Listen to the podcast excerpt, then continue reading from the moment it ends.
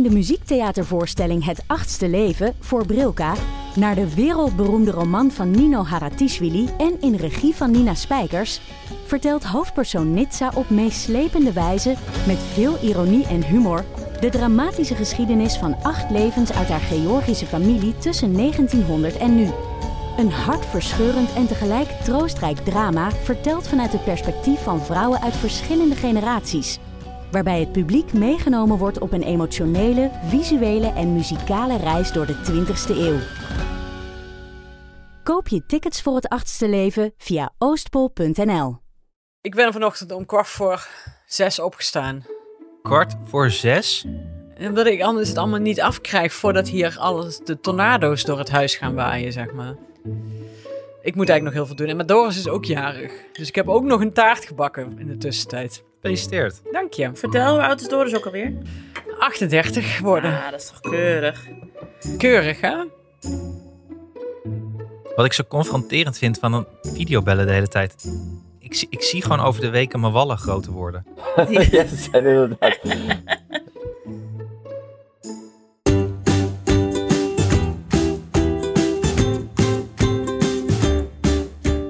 Hallo, mijn naam is Nienke de Jong, moeder van Janne van bijna 4 en Abe van 2 jaar oud en zwanger van de derde. En samen met mijn vrienden Alex van der Hulst, vader van René van 8 en Jana van 4 jaar oud, Hanneke Hendricks, moeder van Alma van ook bijna 4 jaar oud en Anne Janssens, vader van Julius van 4 jaar oud en baby Doenja van 10 maanden oud, maak ik Ik Ken Iemand Die. Een podcast over opvoeden, ouders, kinderen en al het moois en lelijks dat daarbij komt kijken. Zeker ook in coronatijd. Voor veel mensen waarschijnlijk klinken we zo. Nou, toen kwam de elektrische fiets hier aan. Ik heb een nieuw recept voor tulband. ja, Daar, precies. daarom draaien ze onze dubbele snelheid af. Ja,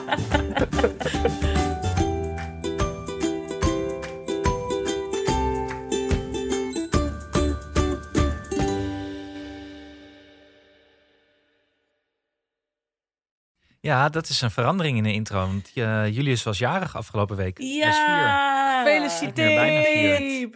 Heeft hij precies. Hoe was zijn verjaardag, Anne? Nou, het was heel leuk. Want hij heeft eh, voor het eerst sinds weken zijn opa en oma en zijn neefje en zijn tante gezien. Oh. En hij was Oh. helemaal wild. en ik geloof dat hij pas om 11 uur is gaan slapen die dag. oh, Van alle schat. adrenaline en cadeaus. En eh, Wat was het beste cadeau? Hij eh, heeft een eh, hot. Ja, hij is helemaal fan van dino's en van Hot Wheels. Oh dat ja. zijn de twee belangrijkste zaken in zijn leven momenteel. en hij heeft een een of ander apparaat met een haai met Hot Wheels gehad. Dus dan kan je heel hard op een iets drukken en dan gaat een autootje vliegen en dan komt hij in de mond van een haai terecht. Nou ja, dat, daar slaat hij elke dag honderd keer op. Dat geeft me toch een herrie thuis. Dat is echt niet normaal. Ik haat die firma Hot Wheels. Maar door wie is dit ontworpen? Door iemand die echt permanent aan de GHB zit? Of Ja, aan de een LSD? Of... is iemand die ons het leven zuur wil maken. Want hij heeft namelijk ook een dino van Hot Wheels. En dat is een T-Rex die heel hard ronddraait. En dan roept hij... En dat hoor ik zeker twee uur per dag. Hoor. En Oh, Julius doet dat inmiddels ook na. Als hij het niet eens is met iets dat zijn zusje afpakt, dan hoor ik ergens.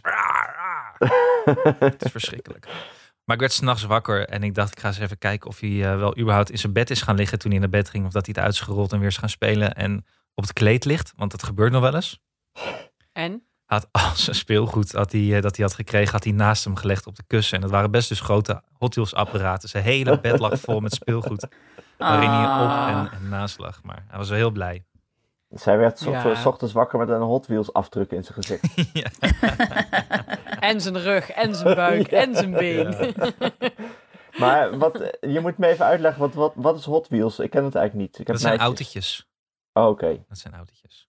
Die, die, eh, die je dan ook zo naar achter trekt en dat ze dan heel hard naar voren schieten. Nee, dat, nee, dat kunnen ze Oh. niet. Maar er zijn allerlei banen en eh, een soort eh, apparaatjes voor waarmee ze kan afschieten en de, de lucht in gaan en salto's maken. En nou ja, het is wel leuk hoor. Oké, het is dus niet dat je nu pijn hebt als je ergens in stapt, maar wel dat je gewoon keihard omvalt. Omdat je op zo'n Ja, je, ja, ik ben wel die. Er zit ook een paar. Hij heeft een dingen met de loopings. Daar ben ik wel wel een keer over gestruikeld, omdat ik erachter bleef haken.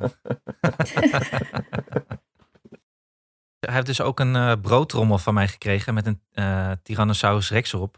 Omdat hij naar school zou gaan. Ik dacht, dan heb je een broodtrommel nodig. Ja. Het is Hanneke.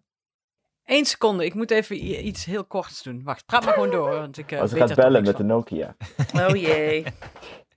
Dit is weer een van de miljoen mails die zij niet heeft beantwoord. Voor Ja, mensen die iets precies. van haar moeten. Kun je nu een keer antwoord geven? Je zou, eh, op eh, eind maart zei je dat je zou antwoorden in een week. Ja. Ik wacht al vijf weken op de, dit artikel. Ze is We al vanaf moeten nog kwart een voor zes wakker. Dat had je toch eerder kunnen doen, Hanneke? Ja, we moeten nog een slag maken met dit eh, artikel. Weet je wat er gebeurde? Nou, Willen jullie het echt weten? het ja, we willen het echt weten. Nou, door... Dit is heel saai hoor, ik nu ga vertellen.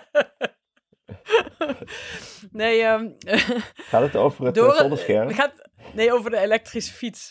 Oh, Voor zijn verjaardag. Nou, die had hij al veel eerder dan mij besteld. Maar die wordt door de coronacrisis werd die maar niet geleverd. En toen had ik zelfs mijn fiets eerder dan hij. En dan was hij echt van balen. Maar nou zijn ze mij al drie keer aan het bellen. Tijdens dat ik met jullie aan het praten ben. Dus ik dacht, ga toch even tegen hem zeggen dat hij even moet terugbellen. Want nou... En hij sprong ook op en hij keek heel gelukkig. Ah. Dat betekent waarschijnlijk dat zijn fiets klaar eh, er is. Oh. twee Nou, elektrische fietsen. Nou, Het is echt... Ja, we zijn vandaag Wat eh, 80 geworden. Dus, eh, het is, ik denk ook soms van mensen die dit luisteren, die nog geen kinderen hebben, of die nog een heel jong, snel en wild leven hebben, die moeten hier toch ook nog luisteren als een soort van, zoals wij vroeger naar de vijf uur show keken, dat je dan zo keek van, wat fascinerend dat mensen zich Ja. echt bezighouden met breipatronen uit de Burda. Weet je, dat je, Ja. dat, dat, je, dat je nooit kon bedenken dat je ooit zo iemand zou worden. Nee, want ik denk ook dat nu dat Catherine Kel en Viola Holt gewoon eigenlijk 28 waren toen ze dit opnamen. Ja, dat denk ik dus ook. Die waren echt niet zo heel oud. En die schat ik wel in op 50 toen allebei. Ja, dus mensen schatten ons ook nu in op 50. Ja, maar dat En doe je altijd als Ja, terecht in de met deze 20 bent. is verhalen. alles boven de 30 is Nou. 50. Ja. Eigenlijk, we, ja, we praten voor, heel- voor veel mensen waarschijnlijk klinken we zo. Nou, toen kwam er een elektrische fiets hier aan. Ik heb een nieuw recept voor tulband. ja, precies. daarom draaien ze ons op dubbele snelheid af. Ik ga even opzoeken hoe, hoe oud eh Katrien Kaal was toen ze begon met de vijf uur Oh show. ja. Wacht. Ik zoek het wel even op. Ik zoek, oh, zoek jij het op? Oké, goed Ja. zo. Dan ga ik inmiddels gewoon weer verder met de agenda. Ja, dat is goed. ja. Punt 1 wa- was namelijk schoolperikelen. Ja. Daar Ja, moeten we het even over hebben. Want- ja, want jij had gelukkig in de vorige podcast nog een extra update eh ingeknipt en geplakt over de Julius een eh, ongoing, eh, nou, een soort Heartbreak High-achtige eh, verhaallijn die zich nu ontspint rondom Julius. Ja, het was echt een soap. Vertel. Want hij zou eerst eh, niet naar school gaan, toen weer wel, toen weer niet, toen weer wel, toen weer niet, toen weer wel, toen weer half, toen weer niet, toen weer wel, toen weer een beetje, toen weer niet, toen weer wel. Toen is Mia heel erg boos geworden. Die zegt, hij gaat gewoon naar school, punt uit, jullie regelt maar. Toen had ze gezegd van, oké, hij kan twee dagen in de week eh, eh, naar school. En toen had bij ons inmiddels de crash gezegd van, nou, weet je wat, hij kan ook gewoon hier blijven als hij school zo moeilijk doet. En dan eh, gaat hij lekker gewoon in, eh, eh, als het schooljaar weer begint in augustus of sept- september. Ik weet echt niet precies wanneer. Ieder geval als het helemaal augustus. eind augustus. Oh, ja. oké. Als het nieuwe schooljaar weer begint, kan hij gewoon lekker naar school. En dan blijft hij nu hier. En dat kent hij ook. En dan zit hij samen met zijn neefje. Zijn neefje is zijn beste vriend, dus dat vond ik ook wel leuk. En toen hadden we maar eh eh, Doris om hulp gevraagd. Wat moeten we doen? Moet hij naar school of moet hij naar de crash? Nou, het mooie was eerst nog dat je ons om hulp vroeg. En dat Oh, waren ja. allemaal zo... eh wat ik zeg, Ja, allebei. Ik snap het wel. Ja, lastig. Want je hebt nou ook wel weer... Huh? Dus dan wat, wat ik dan sowieso in mijn leven dan doe, is dan vraag ik Doris ook inderdaad. Vooral omdat hij... Ja, Vooral vroeger nog, als ik dan heel depressief was of depressieve vrienden had. dan Hij snapt dat, hij snapt dat helemaal niet. Depressie of zo, weet je wel? Of schuldgevoel. Dus dat was perfect hierbij. Ja. Nee, dus de, de hij wel, hoor. 38-jarige Doris die al weken op zijn elektrische fiets wacht, die heeft besloten dat hij jullie toch nog even op de crash blijft en toch nog niet naar school gaat. Ja, maar als hij het dan zegt, dan klinkt het ook altijd gewoon logisch. Ja. Nee, dat is eh, even, serieus, want we hadden wel even. We, we wisten niet hoe, hoe maak je eigenlijk precies die keuze. Ehm, ik wist niet zo goed waar ik, aan, ja, waar ik het aan moest afmeten of zo. Aan de ene kant wilde ik graag dat hij naar school gaat. Ik dacht, het is goed om een stapje te maken. Maar het is ook een, natuurlijk een, rare periode om iemand nu naar school te brengen, vond ik. En die school was niet bepaald hartelijk. geweest. Die had het erover dat het schoolplein lava was. En uh, dat, ja, die vroeg zich af of hij überhaupt het klaslokaal wel haalde. Wat ik al een hele rare uh, manier vond om met elkaar kennis te maken. Maar goed, ik snap ze Ja. ook wel weer. En uh, Mia heeft ook iemand... Die heeft natuurlijk uh, Pabo gedaan, een zelflerares. En die had een kleuterjuf met die ze les had gehad gevraagd van wat zou jij doen? Want die kent jullie ook een beetje. En die zei ook van uh, eigenlijk hetzelfde wat Doris zei. Van nou ja, hou hem even nog maar gewoon bij wat hij kent. Dat is veel fijner. En dan kan hij het nieuwe jaar gewoon lekker naar school. Anders zou hij nu toch maar halve dagjes gaan. En dan krijg je ook nog problemen met dat hij ook nog moet wennen aan de BSO. En. Voor ons eigen ritme was dit eigenlijk ook gewoon handig. Want nu kan hij gewoon drie dagen naar de opvang. In plaats van twee keer een halve dag naar school. Wat we ook maar Ja. meer moesten zien te regelen. Hoe we dat gaan opvangen allemaal. Ja, precies. En anders moest je hem daar ook nog over het hek gooien, soort van. Ja, En dan inderdaad. zeggen, oké, daar naar binnen, doei, succes. Ja, dat wil je, wil je ook niet. Weet je wel dat gifje dat eh, Simba door die eh, aap omhoog wordt gehouden in de Lion King? En dan hebben ze een gifje gemaakt dat in plaats van die omhoog houdt, dat die aap, dat die Simba gewoon naar beneden flikkert. ja. Dat gevoel zou het anders een beetje worden inderdaad, ja. Kijk hoe ver ik Ja. die school in. Ja, en ook, en ook omdat je natuurlijk. eh, ehm, dat hij dan als enige vierjarige dan wel naar school mag, dan wordt hij ook zo. Echt zeg maar Simba the chosen one. Ja. Dus dan kom je zo al de school binnen van. Daar is dat, daar is dat mannetje met die, eh, met die moeder die zo goed ruzie kan maken. ja, Dat geeft dan weer scheve ogen in de ouder-app straks natuurlijk. Dat weet je ja ook. zeker, ja. ja. En dan, en dan in het begin, want wij eh, hadden, het, wij hadden niet het soort gelijk, helemaal niet. Maar wij hadden wel het idee, want omdat Alma in augustus jarig is van... Gaat ze nou die eerste drie weken dan alleen naar de BSO? Of blijft ze die drie weken gewoon bij de kinderopvang en gaat ze pas naar school als de school weer begint? Ja. Dat zou ik doen. ja. Ja, Dat dat, hebben we laatste. ook gedaan. Ja. Ja, maar Dus dan- dat en dan gaan ze altijd, waarschijnlijk toch? meer kinderen dan Ja. naar school. Dat is die dan altijd ook voor die beginnen. zomer, eh, zomer eh, verjaardagen. Ja. Want, maar hoe zat het nou, Anne? Die, die eh, leraren mochten niet op het schoolplein komen. Was dat een regel? ja, ze mochten niet de kinderen vanaf het schoolplein mee naar binnen trekken eigenlijk. Klaslokaal Oh, ja. intrekken. Dat hadden ze besloten. In alle wijze. Ja, ik snap het nu trouwens ook wel weer een beetje. Want ze moeten, omdat eh, kinderen natuurlijk in de verschillende eh, momenten binnenkomen, moeten zij in de klas zitten als Ja. kinderen binnenkomen. Ik snap het ook heel goed hoor. Ik snap het ook heel Ja. goed. Maar nou ja, het voelde gewoon voor ons ook op een gegeven moment gewoon niet meer fijn. Deze hele Nee. saga. Maar hoe vindt, wat vindt Julius ervan? Of vindt hij er niks van? Ja, die vindt er niet zoveel van. Oké. Dat is wel, ja, heel goed. hij vindt het allemaal wel prima, geloof ik. Hij vindt de kinderen, hij wil niet naar de crash, maar als hij daar is geweest, dan is hij echt een blij ei.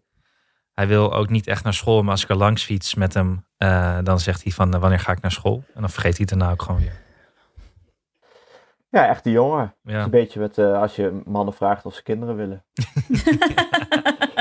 Of, of Hanneke Hendricks. Ja, ja ik, weet, Oké. ik weet niet. Niet? Oh, dan niet. Ja. Ja. Ik eet even, ik eet even mijn boterham op.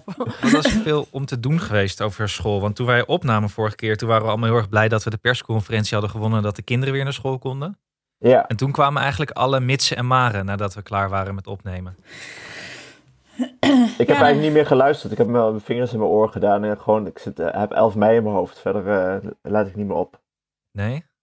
Wat Maar zijn de bij jou gaan ze toch misschien, gaan ze bij jou ook halve dagen, af, of niet? Nee, hele dagen. Ze hebben het heel netjes volgens het protocol. Dus zij gaan eh, maandag en donderdag eh, voorlopig. Oh ja, want in mijn omgeving dan- waren wel heel veel ouders die, eh, die, die halve dagen hun kinderen alleen maar konden, konden brengen Oh, naar school hoor. En die niet wisten hoe ze dat nu moesten gaan regelen eigenlijk. Maar wat raar eigenlijk, want ze hebben toch gewoon een protocol eh, en, en eh, dat is toch ook niet zo moeilijk. Dus, tenminste, ook voor de scholen is het toch wel handig om het zo te Nou doen. ja, het dubbele is natuurlijk dat, ze, dat er wel een protocol is, maar dat het wel aan de scholen wordt overgelaten hoe ze het invullen. Mhm. Maar dan is het dus een soort van protocol meer. Ja, nou ja, van kijk maar even. Ja, precies. Maar wat Mm. is het voordeel voor die scholen om halve dagen te gaan doen? Ik heb geen Ehm, idee. Want dan oh. zou je toch eigenlijk eh, in de pauze de hele boel moeten desinfecteren als er allemaal nieuwe kinderen komen. Ja, Ja, maar volgens mij dat er minder kinderen per keer, per moment in de, in de school zijn, zodat je makkelijker afstand kan houden. Dat is het enige wat ik kan. Waar, nee, maar Oh, dat ja. is niet zo, want je, je hebt toch alles ha- eh, gehalveerd. Ja, klopt. ja, ik had een 5 op wiskunde A1 en 6 VWO. Je moet mij dit soort dingen echt niet gaan vallen, vragen hoor. Ja. Ja. Dit is Ik een beetje. ook- Vraag Julius naar of je naar school wil. Geef mij een rekensom, je krijgt precies dezelfde reactie. Huh? Eh, mag ik een boterham? ja. ja, precies. Oh my god, wat zijn wij eigenlijk verschrikkelijke mensen. Ja, Kom je daar nu pas achter? Wacht maar tot je Ja. een achtjarige moet gaan helpen met wiskunde. Dan eh, merk je dat pas. Oh, wat erg. Ik wil het niet. 2020 is gewoon echt. ik, ik, dit, dit jaar, ik, ik, ik, ik kan er gewoon de helft van de tijd met mijn hoofd niet bij. Mijn eigen leven is nog wel op zich, maar dan alle verhalen die je de hele dag hoort en mensen en ook hoe rommelig het, ontzettend rommelig het nou allemaal is met iedereen. Weet je wel, dat je soort van, dat je bij iemand bent en dat je halfslachtig, dat je houdt dan wel afstand, maar voordat je het weet... eh, Drink je per ongeluk uit hetzelfde mok, weet je, uit dezelfde mok. En dan denk ik, ja, dan hadden we net zo goed hallo kunnen. ze- Weet je, dat soort dingen. Dat is nou de hele tijd aan de hand. Want iedereen heeft een soort rare nieuwe modus die ook de helft van de tijd faalt. Ja, ik en- weet het niet. En ja, het en is je, heel ingewikkeld. je pikte toch precies de, de, de restricties uit die zeg maar, voor jou wel werken of zo. Eh, we hadden maandag voor het Ja. eerst opa en oma op visite. eh, op Koningsdag. Oh jee. Wacht, wacht even, Hanneke is in paniek omdat het opnameapparaat is uitgevallen. Dus Eh, zo we toch. gillen, maar ja, dat kunnen, we, dat kunnen jullie straks toch niet horen. Nee, we kunnen nu zo'n zo liftmuziekje op het kanaal van Hanneke zetten. Tall and tan and young and lovely. The girl from Ipanema goes walking. Wat is ze nou aan het doen? Nieuwe batterijen. We zijn heel druk bezig. Echt schroefjes. Solderen. Hamer wordt erbij gehaald. Het is wel mooi dat hij, dat, hij precies dat hij precies uitviel tijdens dat ik zei hoe, dat het zo ontzettend rommelig was. Dat dan batterij leeg is. Neem je dit op, Hanneke? Ja. Oh, dan kan ik weer stoppen, dankjewel. Ja. Excuses voor mijn eh, zeer overdreven paniek. was helemaal niet Maar dat heeft niemand Eh, gehoord. ga door. dat heeft niemand gehoord, Hanneke. Nee, niemand gehoord. Knippen we er gewoon uit. Hoeft niet eens. Hoeft niet eens te knippen. Het zit er niet in. Oh, nee, precies. Nee, Wat maar... een heerlijk. rommel, hè, Hanneke? Ja. Ach, man. Wat een rommel. Maar, maar goed, we hadden dus Dank opa en je. oma visite. Ik, maak, ik Oh ja. geef alweer wat structuur aan deze dag. en eh, die kwamen dus ook na zeven weken en ze waren helemaal bang dat Jan en Abe hen niet meer zouden herkennen. Terwijl we bellen elke dag met ze en ze krijgen elke dag een filmpje waar, waarop opa en oma een boek voorlezen. Dus op zich, die kinderen van mij zijn twee goudvissen, maar dit konden ze nog wel onthouden. En iedereen was zo blij om elkaar te zien. Oh, nou is Hanneke helemaal weg. Paniek. Ha- Hanneke heeft... De Wat een rommel. Anne, alles Ja, het was een rommel. Wat een rommelige tijden. Het is alleen maar rommel in Bergharen hoor. Bij ons is het allemaal gewoon supergoed op orde.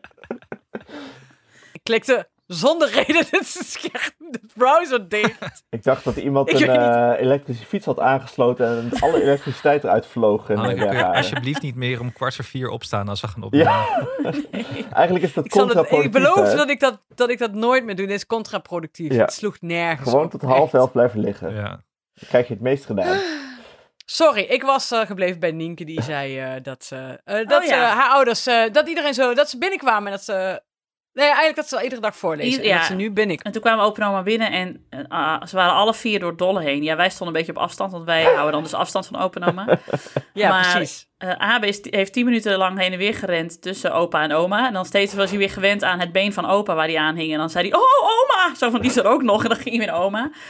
En, eh oh, en mijn schoonouders, die waren ook gewoon helemaal een beetje ontroerd van dat ze ze weer zagen. Het was echt... eh, Oh. Heel lief. Maar ze hadden dus hun eigen thermoskan met koffie meegenomen. Hun eigen Ja, mokken en hun eigen boterhammen.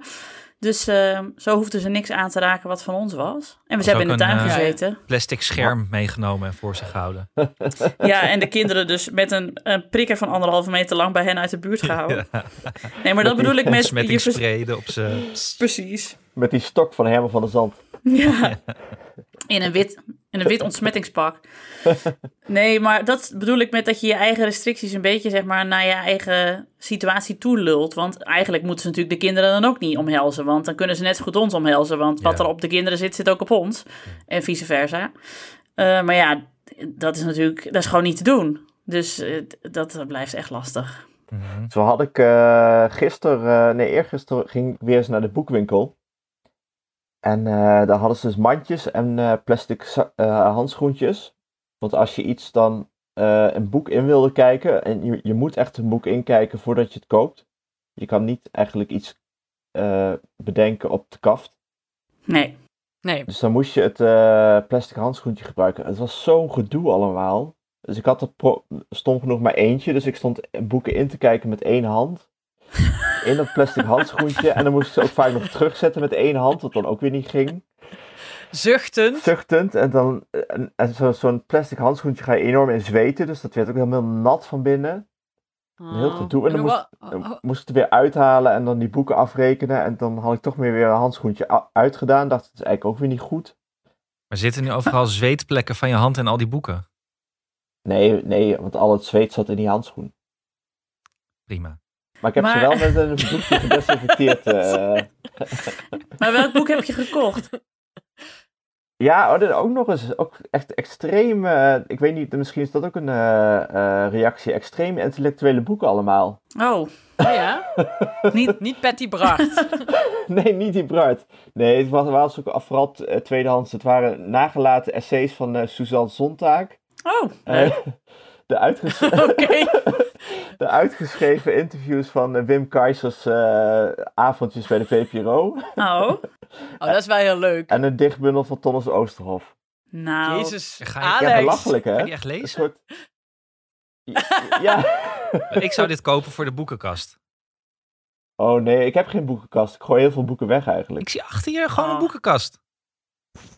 Achter mij. Andere ja, kant. andere kant, pannenkoek. Oh ja, daar staan alle Harry Potters van, eh, van Cynthia. nee, ik heb wel wat boeken hoor, maar de meeste gooi ik weer, of die doe ik weer weg. Ik ben wel blij dat je hiermee gewoon het intellectuele gehalte van deze podcast een beetje omhoog krikt. Dat mensen misschien dus dachten van, het is echt Avro Service Salon 2.0. Maar dan wel met Suzanne Sontag. Daar ben ik nog wel weer blij mee. Dit helpt. Suzanne Sontag, daar kom ik zelfs niet doorheen. En ik lees toch veel van dat soort shit. Oh, ik ben nog niet begonnen, maar eh, Nou ja, trouwens, ik kom eigenlijk nergens doorheen op dit moment. Laat maar. Echt? ik, word al, ik word altijd heel erg afgeleid doordat het enige boektitel die ik kan lezen in je boekenkast is Ten Oorlog. En dat geeft ook gelijk een Oh ja, soort, ja, maar kijk, kijk, dit is mijn geeft boekenkast. gelijk een soort een- strijdkreet. Ja, Wow. en ik zie altijd elke week weer Peter Winnen van Santander naar Santander staan, Oh ja. inderdaad. Ja, hier, staat, eh, hier staan de wielerboeken. Ja, maar Ten. Oorlog is toch van Geert Bulens, of niet? Nee, dit is toneel. Dit is toneel. Oh. Dit is van eh, Tom Lenoir. Oh Hier ja. heeft de luisteraar echt helemaal niks aan. Nee, dit, is gewoon, dit is gewoon name droppen. Ook leuk. Nou, het is wel in van Santander tot Santander zit een eh, scène die ik, eh, die heb ik ooit, ik heb ooit Peter Winnen geïnterviewd waarin hij het eigenlijk nog een keer herhaalde. Wat wel eh, te- te- van toepassing is op deze crisis. is namelijk dat hij eh, een keer ontsnapte bij, eh, eh, toen hij voor de eerste keer Alpe d'Huez won. Alleen hij was een beetje te jong, dus hij ging veel te vroeg weg. En toen reed hij voorop en toen dacht ik, oh shit. ik moet nog niet. 7 kilometer. Ja. Ah. En hij kon eigenlijk helemaal niet meer. En toen bedacht hij op een gegeven moment, ik ga, ik ga afstappen en me verstoppen achter het publiek, dan ziet niemand mij. Maar hij heeft toch doorgezet en eh, gewonnen. Dus dat is misschien een soort, eh, ja, ik weet niet. Ik zou Ik dat trouwens niet. helemaal niet kunnen. Was dus- hij bang om te winnen? Nee, maar hij was zo moe en zo kapot en alles deed pijn. En hij dacht, ik, dit, ik wil gewoon niet meer. Ik wil, dit moet stoppen. Ik moet Hij wilde stiekem afstappen zonder Ja. dat iemand het zou merken. ja. Toen ik net was bevallen, voor mensen die deze podcast luisteren die net zijn bevallen, toen heb ik alleen maar wielerboeken gelezen. Omdat dat het enige was wat ik trok, omdat dat ook ging over Leiden. op een heel ander niveau, maar wel helemaal gaan. kapot gaan de hele tijd. Ja, maar, En dan maar doorstoempen. Dat vond ik echt, ik heb daar echt wat aan gehad. ja, maar ik heb toch wel, eens, toch wel eens verteld dat ik mijn tweede bevalling helemaal door ben gekomen door te visualiseren dat de Alpe d'Huez was. Echt? Ja, en, Nee. en dat mijn verloskundige, de, ik moest, nou ja, dan een kleine sidestep, dan gaan we daarna naar het artikel. Dat is ook een leuk bruggetje naar het artikel, inderdaad. Ehm, Zeker. Eh, ik, eh, ik moest natuurlijk eh, bevallen in het ziekenhuis, want ik had een keizersnee gehad. Dus ik werd daar binnen gereden. En toen kreeg ik een verloskundige die ik nog niet kende, want dat krijg je dan. En die zei, joh, heb je een bevalplan? Ik zo, wel nee. Ik zei, en toen grapte ik. Ik zei, ja, wij grappen altijd een beetje van... je moet gewoon doen alsof het het beklimmen van de Alpe d'Huez is. Want het zijn 21 bochten, het doet tafels lang... en eh, halverwege denk je, oh, ik wil niet meer en ik wil terug... en waarom doe ik dit? En dan ben je bij bocht 7 en dan denk je, ik ben er bijna... maar dan ben je er nog lang niet. Maar je moet gewoon focussen op dat je uiteindelijk boven staat... en dan het uitzicht hebt en dan denkt... fucking hell, ik heb gewoon weer de Alpe d'Huez gedaan. Hartstikke goed. Dus, en goed op je ademhaling blijven letten... want dat moet je tijdens het klimmen ook. En achteraf zei zij dus tegen mij van, eh, dat zij ook heel veel fietste. Dus ze wist precies wat ik bedoelde. En het is dus echt, dit is geen grap. Ik stond een weeënstorm op te vangen onder de douche. Want ik kreeg voor de insiders. Vijf centimeter ontsluiting in een half uur. Dus zo snel was Abe er. Die laatste Oh vijf. En toen stak ze de hoofd om de deur. Want ik zei, ga allemaal maar weg, ik red me wel. En eh, toen stak ze de hoofd om de deur. Toen zei ze, eh, ja, je bent bij bocht 7. Dus dan weet je ongeveer hoe ver je bent. En dus wat methode. heerlijk. Dit zou eigenlijk een bevalmethode moeten worden, als je Maar dat graag wil. Nou ja, wat zei Maar- Ja. ook meteen van, doordat jij dat zei, wist ik ook meteen wat voor vlees ik in de kuip had. Van dit is iemand die op zich wel rustig kan blijven en wel zich kan focussen op het einddoel, die niet snel in paniek zal raken. Want als je aan het fietsen bent, raak je ook niet snel in paniek, want dan weet je ook van, ik moet toch gewoon door.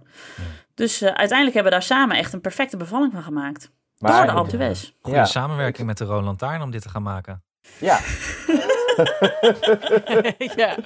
maar ik sla Ja, altijd Willem een Dudok beetje die, door. Ik, heb bij, bij, rittenkoersen door de bevalling helpt. Ja, bij metafoor sla ik altijd een beetje door. Want ik zie me nu voor me dat dan ook Tom zich in verschillende outfits eh hulpt. bij elke weestorm. Nee, dat je in de nee. Hollandse bocht, dat hij dan in een soort, met een bos wortelen op zijn hoofd, heel dronken, je staat aan te moedigen. Ja, maar je- jullie weten toch ook wel dat, dat Tom jarenlang het feest in bocht 7 heeft Ja, georganiseerd? precies. Nou, dan kan je halverwege mooi met een bierlucht eh, aan je bed staan. Nee, maar ik heb ook wel eens verteld dat, eh, dat toen ik die weeënstorm zat op te vangen, dat Tom toen eh, in de kamer Ja, slaving zat te eten. Dus ja, Ja, Ja. Die is slaving ja. zal ik meer nooit meer vergeten. vergeten, nee. nee, dank.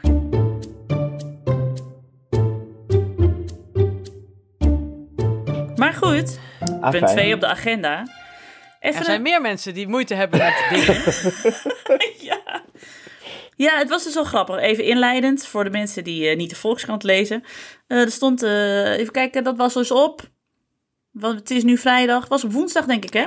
Ja. Ja. Ja, eergisteren. Ja. Woensdag stond een artikel in de Volkskrant van Julian Althuisius, redacteur bij de Volkskrant, eh, over dat hij, hij heeft twee kinderen van vijf en twee en hij had een papadag. Eh, maar daar werd hij knettergek van, want hij kon dat helemaal niet. En hij wilde niet de hele tijd naar de speeltuin. En hij werd eh, kortaf tegen zijn kinderen. En eh, hij was niet de leuke vader die hij wilde zijn, omdat hij die papadag had. Toen had hij net besloten, ik stop met die papadag. En toen kwam corona. En toen kreeg je ineens heel veel papadagen bij.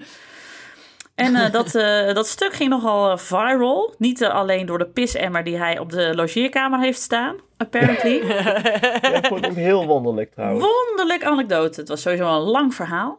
Ja. Ehm, maar ik heb dus in verschillende appgroepen hele geanimeerde gesprekken erover gehad van... ehm, is dit nou een goed artikel? Is hij zich nou aan het aanstellen? Wat, ehm, mag, mag een man hierover klagen? Of moet hij hier juist over klagen om het bespreekbaar te maken? Ehm, En de meningen waren wel verdeeld. ja. Maar, nou, zeg het eens, Hanneke. Nou, we hadden ook iemand in onze vriendengroep. Die, eh, die vond echt dat het echt de grootste aansteller van het westelijk halfrond was. Dat vond ik dan wel. En daar kan ik, kon ik me ook wat bij voorstellen. Maar ik vond het eigenlijk wel een grappig stuk. Of vooral omdat het ook wel. Er zat ook wel veel ironie in.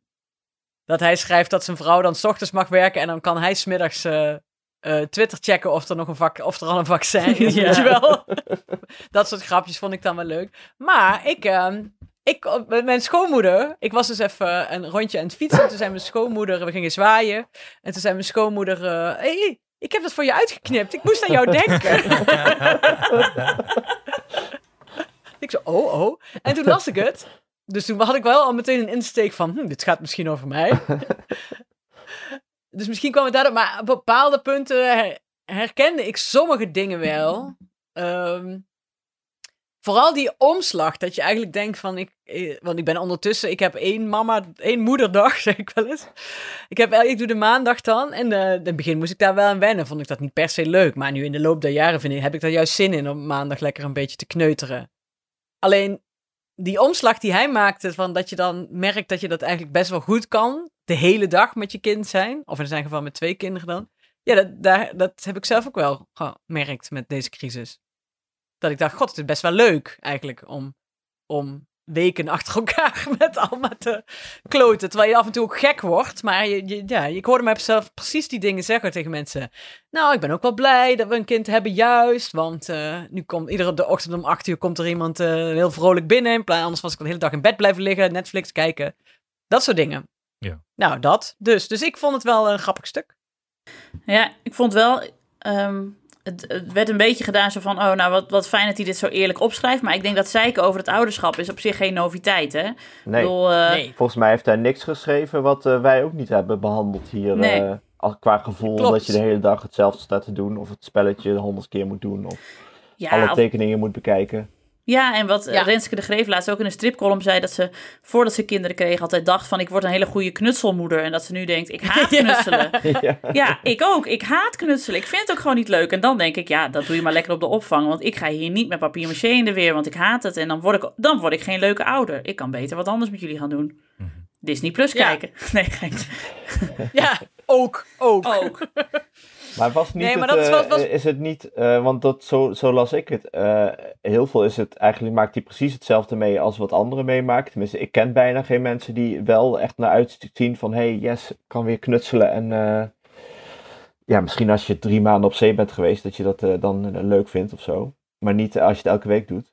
Maar volgens mij is bij hem de, de invloed die het had, was gewoon mega groot. En, Ja. en heel ongezond trouwens. Dus ik denk dat meer dat er een soort ander probleem ergens is. Dat hij daar zo boos van wordt en zo eh, ongeduldig. En, want de rest was allemaal heel wat iedereen meemaakt. Ja, want dat hij zei van ja, ik, ik heb gewoon altijd al veel tijd voor mezelf nodig gehad. En ik ben nogal een Einzelganger. En ja, dan is het ook best wel heftig dat er steeds twee kinderen in je aura zitten. Dat snap ik. Eh, maar niemand is zeg maar voorbereid op deze taak. Hoeveel eh, Nee. boeken je er ook over leest en hoe je goed je je ook voorbereidt, dan nog zeg maar. En dat is de crux, denk ik, dat, dat zo'n zo'n moeder- of vaderdag is gewoon heel heftig, omdat je de hele tijd aanstaat. En dat zeggen wij hier ook vaak. Dus dat, dat je geen moment rust hebt van, moet er iemand iets? Piest er iemand in zijn broek? Eh, er moet iemand huilen. Ja. Ik hoor nou ook iemand huilen. Eh, dat de hele dag. En daar ben je s'avonds gewoon moe van. Maar eh, volgens mij, wat bij mij altijd, eh, wat voor mij de omslag was, was dat het moment dat ik mijn moederdag heb, dan ben ik er gewoon helemaal niet voor mijn werk. Ook het moment dat ik Nee, ook ik bij ben- ja, iets voor mijn werk moet doen, dan wordt het Ja. een kutdag. Eh, Want al is het maar een telefoontje, ik, ik ga op woensdagavond ook niet naar tv-studio's of zo. Ook al moet ik daar ver na bedtijd zijn, want dan moet ik het overdag voorbereiden. En dan word ik dus knorrig en eh, afwezig. Ik moet er helemaal induiken. Dus dan ook, en dan dus ook inderdaad maar gedachteloos drie kwartier met z'n kleien. Maakt niet uit, maar als ik maar niks anders te doen heb. Ja, Ja, ben klopt. ik Als het je op de tijd eens. gaat letten, wordt, het, eh, word je vreselijk chagrijnig. Ja, Ja, Maar en misschien, je hebt ook mensen die dat in hun hoofd hebben zitten, hè, dat ze elke dag iets moeten. Ik heb dat ook wel een beetje. En dat als je niks doet, dat er iets misgaat of dat je niet productief bent. En als je dat extra hebt, dan eh, worden die dagen een hel. Dat kan ik me wel voorstellen. ja en dat, dat kinderen de hele dag blij moeten zijn met je. Ja, dat is ook onzin. is Alsof je... is ook onzin. de kinderen kunnen, moeten ook iets eh, in hun eentje kunnen doen. Anders blijven ze vragen of jij alles voor ze doet en of je alles met ze doet. Ja, en het is toch ook normaal dat je een beetje van elkaar baalt af en toe. Je Ja. vindt jezelf toch ook niet altijd leuk. Nee. Ik vind mezelf ook vaak irritant. nou, dan kan ik niet verwachten van Alma dat ze mij de hele dag leuk vindt. Jezus. nee. Maar Anne, wat wil jij zeggen? Jij begon met een zin, Anne. Nee, ik ben het wel met Alex eens dat eh, veel van wat hij beschrijft, ik vond dat hij het heel goed had opgeschreven. En veel dingen waren inderdaad herkenbaar, maar niet per se nieuw of zo. Behalve die pisemmer dan. dat hij kennelijk zo'n groot huis in eh, Amsterdam heeft dat hij in de wc niet haalt als hij s'nachts wakker wordt. Dat, ja, Een soort Bergharens huis in ja, Amsterdam. dat vind, ik, dat, Ja. vind ik, dat vind ik eigenlijk een groter essay waard, maar goed. Nee, maar uiteindelijk is toch de, de, de kritiek die hier dan weer opkomt, vind ik, en alle verontwaardiging vind ik dan weer het interessantst. En daar kan ik me dan weer heel erg aan ergeren eigenlijk. En ik, volgens mij, er was een paar Wat, soorten... wat is die dan? Want ik heb geen Twitter, hè, dus dat scheelt heel veel. Dat krijg ik allemaal niet mee. Ja, en er was een paar, paar soorten kritiek. Eén richtte zich op, eh, op de Volkskrant eigenlijk. Die vonden dat de krant niet dit soort stukken moet afdrukken. Ja. Nou, daar Oh ja, wat was het nou? Iemand stuurde mij een, een tweet door waarin iemand zei... ehm, ik weet niet eens meer wie, misschien citeer ik nu wel heel rechts iemand. Kan ook gewoon. Ja. Ik hoor een kind. Ja. Ja, ze Abe de Lauw, die gaan naar bed. Oh ja. Nee! nee! Masker 19. Die, eh, die, die had een tweet en daar stond... eh, ik heb net koffie gezet, maar dan moet ik ook poepen. Ja. Hmm, als ik nou de koffie laat staan, wordt die koud. Ik heb besloten de koffie mee naar de wc te nemen. Lees, lees er morgen over in de Volkskrant. ik heb daar echt, denk ik, iedere dag, dus even iedere, ieder dagdeel wel een keer om moeten gniffelen. Om dat, om, dat- tweetje. Ik, ik drink echt veel koffie op de wc trouwens. Ja, dat dat is alles echt- op de wc. Ja, Ja, het was natuurlijk, en er was ook inderdaad de kritiek van hij moet niet zo zeiken. En waarom heeft hij dan kinderen genomen? Nou, dat vind ik sowieso een kul argument. Want voordat je kinderen krijgt, weet je niet hoe het zal zijn. Dus la, hou daar eens een keer over op. Nee, nee, dat was er inderdaad twee. Je bent een aansteller. ja. Ja. Oh ja. ja, suck it up. Dat is ook natuurlijk wel een beetje zo, Ja. hè? Drie was eigenlijk, die kwam een beetje uit de, de woke feministische hoek. Van eh, hou alsjeblieft op met het woord papadag. Ja, Ja. Hou, ja hou, op met, hou op zeggen over het pappadag. Weet ik veel. Hoe moet je. Dat is nog, dat is nog steeds geen alternatief. Dus. eh, Nee, dan kwam mensen Ja. weer met ouderdag. Maar dat, dat is net zo erg. Want dan claimt Ja. ook dat er dagen zijn waarop je absoluut geen ouder bent. Dus dat klopt Ja, ook eh, niet. ik noem het dus net als Hanneke moederdag. Dat vind ik veel leuker, want dan klinkt Ja. het alsof ik cadeaus krijg. En iedereen blij Ja. met mij is. Het is mijn dag vandaag. Mijn moederdag. Ontbijt op bed. Frozen kijken. Popcorn eten. Ja, ik zit in dit geval echt in de hoek van hou het woord. Maar er zijn ook mamadagen. En verdeel het alsjeblieft gewoon eerlijk onderling. En dat ligt niet aan het woord papadag. Dat, ik zit Ja. gewoon echt in die hoek. Maar goed, ik snap de kritiek Nee, er ook maar wel wat op, we gewoon... goed. Wat, Ja, Ja, en er was nog ook. één stroom aan kritiek. En dat was zeg maar, eh, ja, eh, hartstikke leuk voor jou Julian. Maar eh, wat vindt je vrouw hiervan, zeg maar? Hoe eh, leg je nou niet extra druk bij haar? Omdat jij dus de hele tijd zit te zeiken dat je het zo zwaar vindt. Terwijl, wat vindt zij daarvan? ah, Maar ja, moet ze ook lekker zelf weten, toch? Ja. Ja, precies. Wat vindt een eh, alleenstaande vrouw in Senegal ervan? Jezus, hou eens op. Ja. Je, je- soms, ja, nee, maar dit is allemaal gezeik over van, niemand mag meer iets. Wij zitten hier ook allemaal met te klagen over onze persoonlijke dingen. Nee, nee, ja. dat is dus, dat, daar heb je helemaal gelijk in, Alex. Dat is eigenlijk het laatste en belangrijkste punt. Want daar voel ik me, voelde ik mezelf ook gewoon op aangesproken. Is dat mensen zeiden dat, ehm, ja, hallo, ieder, heel veel mensen hebben nog een veel zwaarder eh, thuissituatie. Of Ja. veel zwaarder Ja. met de kinderen. En eh, daar klaag je dan, eh, je klaagt hierover eh, tegen je vrienden en familie. Maar maak dit niet publiekelijk, want anderen hebben het veel zwaarder. En je, door oké, hier zo te dan kun je- dan klagen, kun je- toon je er geen consideratie met die mensen. Nou, en dan denk ik echt van, tief een eind op. Ja, precies. Tief Kan een eind iedereen op. voorschrijven wat iedereen wel en niet mag doen. Dat is Hou weer op. echt zo'n moraalpolitie. Daar heb ik zo'n hekel Ja. aan. Ik bedoel, het is niet zo dat. eh, ik, ik kan heel erg goed meeleven met mijn eh, alleenstaande vriendinnen. die helemaal alleen een kind opvoeden. En met ouders met zieke kinderen. En ik heb alle empathie. Maar als ik zeg maar drie keer per dag een gore eh, poeponderbroek moet verschonen. dan denk ik daar even drie seconden niet aan. Want dan ben ik gewoon kwaad op de vieze poeponderbroek, zeg maar. Dus, en dat betekent niet dat mijn empathie er dan niet is voor al die andere mensen. En mensen in oorlogsgebieden. en mensen met aids en weet ik het. Maar het is gewoon even mijn eigen leed. Ja. En mag Maar wij hoeven toch ook helemaal geen, wij hoeven toch ook helemaal geen empathie voor hem te voelen. Het was toch gewoon een leuk stuk om te Ja. lezen. Ja, sorry, ik heb het wel gesmul. Ik heb eh, allemaal voor de tv gezet om eh, vijf uur een glas wijn ingeschud. Toen ben ik dat gaan lezen.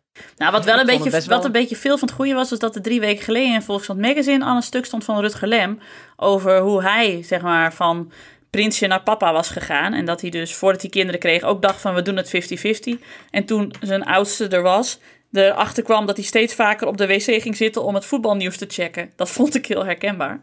Ja, maar Eh. Rutger Lem schrijft zijn hele leven al over elke, elke scheet die hij zelf laat. Oh, ik heb die jongen nog nooit iets, ja, ik heb die jongen nog nooit zoiets anders dan over zichzelf eh zien Ja, schrijven. maar kijk, hier wordt het weer mediakritiek. En dat, dat, ja, dan moet je maar naar eh, een podcast Alexander over media, al die mensen die erover klagen. Ja, precies. Dan moet Nee, je Ernst-Jan ik Fout en schrijf, Alexander ik schrijf ook alleen maar over, over ouderschap op dit moment. Ja. Dat is echt mijn unique selling point geweest. Sinds ik een kind heb gekregen en dan denk, hmm, Nee, maar ik denk... valt maar, op sommige fronten tegen, ben ik veel meer gaan verdienen.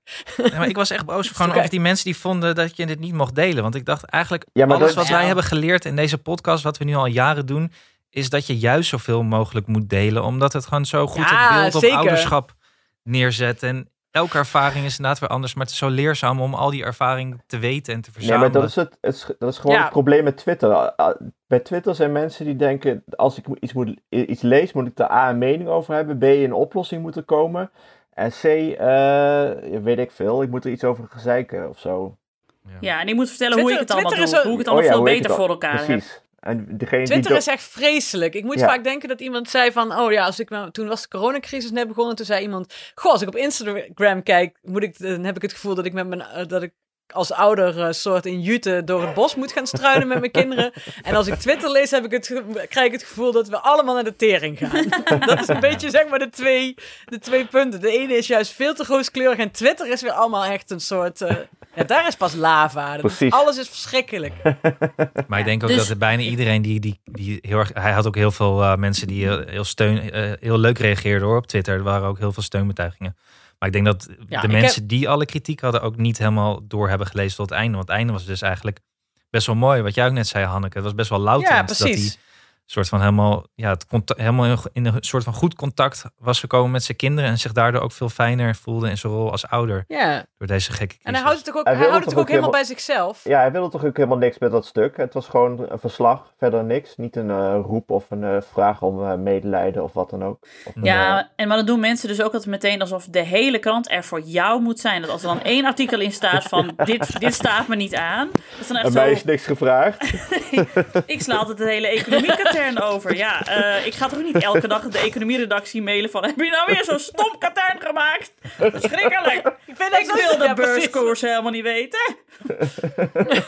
Ja, Het is precies. toch hetzelfde, het is toch raar? Misschien moeten we dat wel gaan doen, Nienke. Ja, Ja.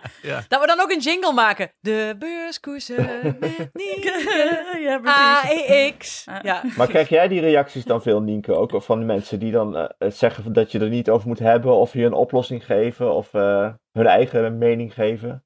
Valt wel mee, moet ik zeggen. Oh. Omdat ik eh, voor het AD drie keer per week gewoon een hele neutrale column schrijf. In de zin van, dat gaat gewoon over het nieuws. Dus dan krijg ik wel heel veel reacties van links, deugmeisje, gore wegkijker, eh, vieze, de, de, de Marokkanenplaag moet een keer in Zwolle-Zuid terechtkomen, bla bla bla, dat soort dingen.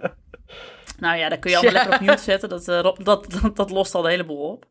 En maar op onze column in het AD, die is gestopt over ouderschap, heb ik eigenlijk nooit opmerkingen gekregen van wat eh, doen jullie raar of zo. Helemaal niet. Nee. Nee, we hebben niks te... En ook eh, o- over podcasts hebben we natuurlijk niks te klagen. Volgens mij hebben we ongeveer de liefste eh, reac- Echt lieve- reacties. Super, super, super, reacties. super lieve luisteraar. Ja, En waarvan je Ja, dus ook als, als feedback wel krijgt van, het is gewoon herkenbaar. Dat is het de enige woord dat iedereen dat het roept. Dan denk ik, ja, dan is het Mhm. wat Anne zegt. Het is toch belangrijk dat je dit soort dingen met elkaar blijft delen. Want anders denk je, anders denken jullie een Althuisjes, ik ben de enige op het hele eiland dat het ouderschap heet, ehm, die niet om kan gaan met een papadag. Terwijl, lieve Julian...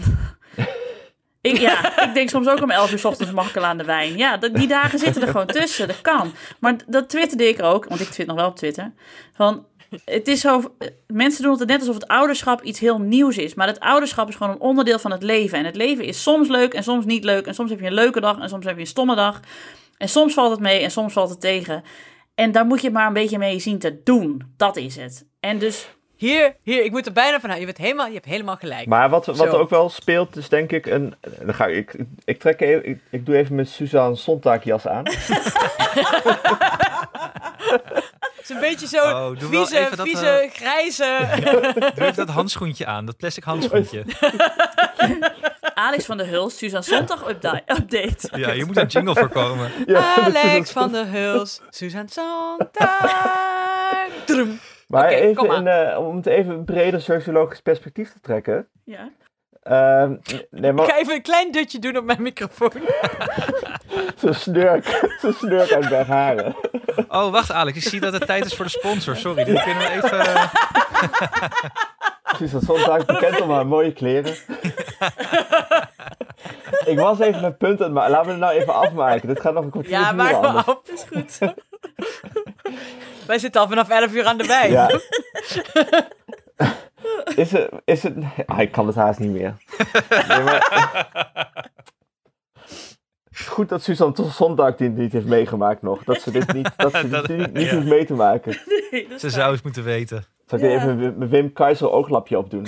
Maar, ehm, nee, ik zat gewoon te denken dat die vroeger met die huismoeders, huisvrouwen, die moesten dit dus de hele dag. Maar die mochten, dat ging er, gingen die mannen er maar vanuit van, ja, dat, eh, dat vinden ze toch leuk. Die zijn gemaakt om op te voeden. En volgens mij zijpelt dat nog steeds een beetje door. Dat eh, als, je, als je opvoeder bent, dat dat erbij hoort en dat je niet klaagt. En eh, nu is het dus, eh, wat vroeger voor vrouwen gold, moet nu een beetje voor de huisvaders ook gelden. Ja. En kampt hij nog een beetje met dat idee van het moet allemaal maar leuk zijn en je moet het allemaal maar goed vinden en leuk en makkelijk. Ah, dat is gewoon volgens mij, de, de, ik denk eerder dat het een beetje de, de, de, de, erfenis is van de jaren zeventig. Want inderdaad, vroeger eh, moesten de vrouwen het maar allemaal doen. En toen werden kinderen niet eens opgevoed, die werden gewoon het erf opgeworpen. En verder werd het huis gepoetst en sa- en er werd gekookt. En dat was het eigenlijk. En af en toe werd er iemand om zijn oren gedraaid en in het kolenhok gestopt. En in de jaren zeventig moest ineens alles eh, inderdaad helemaal knuf. Weet je wel, moest je moest me allemaal deelnemen overal aan. En volgens mij hangen we er nu gewoon een beetje tussenin. Ja, ja, ja. Ja, dat is Nou wel ja. waar wat je zegt. Want het is natuurlijk, natuurlijk niemand die vroeger ging knutselen met eh, kinderen. Nee joh. Nee. Nee, maar we zijn toch ook, als we het nog breder sociologisch willen trekken, we zijn toch ook van een, van een groepsamenleving gegaan naar een individuele samenleving. En Ja. vroeger eh, behandel je dus het gezin als een soort van collectief waar jij onderdeel van uitmaakte, waarin je dus een al dan niet grotere of kleinere rol had, en, maar wel een soort van vaste rol. En nu rol je het ouderschap in vanuit het idee wat jij hebt meegekregen van je bent een individu en eh, ben je wel gelukkig en eh, waar wil jij naartoe met je leven en dit soort dingen. En dan komt er zo'n kind bij en die verstoort dat misschien, zoals Julian aan het huisje is, dat is dus dan ineens niet meer op woensdag. Julien, Julien. Ju- oh, Julien, sorry. Julien. Niet meer op woensdagochtend eh, Twitter de hele tijd kan checken, omdat zijn kinderen dan aan zijn been hangen. Ehm, dat dat, dat een, als een inbreuk op je individualiteit, individualisme, individuele zelf voelt. Terwijl, ja, je kinderen zijn niet zozeer een inbreuk. Ze, ze, je plakt ze gewoon aan je vast als soort klittenbandjes, aan jouw eigen identiteit. Tot zover Damian de Nijs uit. Sponsoring. Maar het- Oh, ja. Heeft er iemand hier een haakje Nee, naar Best wat, Secret? nee, ja, wat mij dus heel erg helpt in deze tijd, en ook als ik er doorheen zit met de kinderen, lekker online winkelen. En dit meen ik oprecht. Het is echt. Ja, Ja, ik ook, want ik ben uit al mijn kleren gegroeid. Toen Oh. ik net voor de opnames ook heel snel naar de wc ging, duurde het heel lang voordat ik alles weer aangetrokken kreeg. omdat het allemaal te strak zit. Je Oh bent het jee. mee eens. Je gaat gewoon op de wc zitten met een kop koffie en de, de app van Best Secret. Als je het allemaal even niet meer ziet zitten. Doet de deur op slot. Koptelefoon nog op met een muziekje. Grote maat selecteren en dan... eh, Koop je je kooltrui. Maar, maar wel goed dat je dat eh, aan kleren heb je nog iets. Ik koop heel veel dingen waarvan ik denk, oh nee, dat ga ik later niet meer gebruiken. Willen jullie weten wat ik heb gekocht? Ik kan dus niet naar mijn shihatsu, mevrouw. En nou zit ik al een hele week vast. Of al weken. Oh jee. Jezus, wat is dit? Wat is is, dit? het? Een Formule 1 stoel. Massagestoel? Ja, Massages. Heb je dit van Max Verstappen overgenomen? Ik had een beetje een, een, wat daar heb ik jullie een beetje over verteld. Ik zal er verder niet over uitweiden. Een soort klus die ik, waar ik uit moest stappen. En daar had ik heel veel stress van. En op een gegeven moment zei ik tegen mezelf, nou heb ik er genoeg van. En toen heb ik voor 160 euro een, eh een massages Een soort, een soort maxi-cosi voor volwassenen. Zo ja. het eh, die- Oh, en hij, ik heb er gisteren ook, want ik, toen was ik gisteren aan het werk en toen eh, eh, zat ik erin en toen was ik aan het typen en het was echt fijn. Nou heb ik dus echt blauwe plekken op mijn rug omdat ik het veel te lang in. Maar hoe werkt die dan? Je moet, een, je moet hem in een stoel zetten. Ja, nou, het zit een, har- hij heeft een harde rug, dus je kunt er gewoon inzetten en dan zet je hem aan en dan krijg je van die knoppen die zo. en dan zit ook aan de zijkant kussens en die knijpen je dan zo heel zo Oh. in, je, in je zij. Zo. Worden wij, oh, nee, worden wij echt, hierdoor is- gesponsord? Ja. nou, nee, maar volgende week wel. Medisana mag ons prima sponsoren als ze dat willen. Het gaat weer helemaal verkeerd, jongens. Hoe moet ik dit nou, Medisana weer, hoe moet ik nou weer naar. Best Secret? Hoe moet ik dit nou weer zeggen? Ja, Ik, sorry, we hebben jullie een advertentieblok hebben Medisana geplukt. Ik Ja. hoop dat jullie het goed vinden. Maar het was geen live-uit zoals de vorige, vorige keer. En, en dit is niet de vijf uur show, dit is gewoon ik ken iemand die. Jongen, Ja. het is echt. Mag ik trouwens ook nog even de... Wat een rommel. de- de- mag, mag ik ook nog even een shout-out doen naar het betonbedrijf van de buren van Hanneke? Ja hoor, doe die maar. echt heel goed gedaan. allemaal. Ja, ben je tevreden met je beton? Echt, ze waren zo snel klaar met die grote pijp en eh, slang. En, eh, Ja, maar Ja. dit is een heel ander punt op de agenda, Oh ja, jongens. sorry. Hou eens Sorry. op. Ik eh, doe... Ik Ik, heb oké, Oké, een, oké. eh, be- ik wil even ik voor heb de sponsor. secret. Je moet even... Oh ja. Ja. Ja, oké, dankjewel. ik wou even zeggen namelijk dat ik een... eh een lama. Nee, zeg maar. Nee, Ik heb nee. een eh, toetsenbord gekocht eh, om muziek mee te maken. Dus, eh, Oh ja, Logitech, gooi er maar even wat namen in. Wat, is, wat voor merk? Akai. Is het, Akai. is het Akai. zo'n is het zo'n eh, zo'n zo'n synthesizer met zo'n gitaar eraan? Want anders vind ik het niet leuk. Een Nee, gitaar? Heb je een gitaar? Geen gitaar. En ook geen ja. blazen met, eh, met toetsen, ook niet. Ik vind Wake me up before you gitaar, go man. go. Moet je Ja? Dan kan ik wel, kan ik wel het Right Sit Fred liedje voor Abe eh, doen. Maar goed, Maar goed. Als je nou ook eh, te dik bent geworden door deze coronaperiode, net zoals Hanneke. Of je bent zwanger, zoals Nienke, en je wordt sowieso dus veel te dik de hele tijd. Of, eh, of je hebt net een nieuwe muzikale hobby opgepakt en je wilt shine op het podium, zoals Alex. Of, of je moet indruk maken op de juffen op het schoolplein, zoals Anne, want die heeft iets goed te maken. Ga dan naar Best Secret. Want Best Secret is een online modeparadijs waar je eh, collecties van dit jaar en vorig jaar kunt kopen tegen nou belachelijke kortingen tot wel 80%. Eh, dat klinkt natuurlijk allemaal super fantastisch en ik snap dat je daarbij wil horen, maar dan moet je wel even iets doen, want het kan dus via ons. Dan ga je naar, Anne zegt het nu, bestsecret.nl slash ik en iemand die, zo uit deze podcast, dus dat is makkelijk. bestsecret.nl slash Ik en- Nee, ik doe niet nog een keer. Slash ik en iemand die. Ken je maar die? bestsecret.nl slash ik ken iemand die. Eh, meld je daar aan. En nou, en eh, shop till you drop. En eh, zoals ik vorige week ook al zei, wat heb je verder te doen? Hè? Ja. Als je op de play zit met je koffie, inderdaad, zit te balen omdat eh, je nog geen seconde rust hebt gehad de hele dag. Of je zit in je nog. studeerkamer op je emmer. Dat kan ook nog. Zit je op je, op je systeem nu? Zit je te kakken op je pisemmer?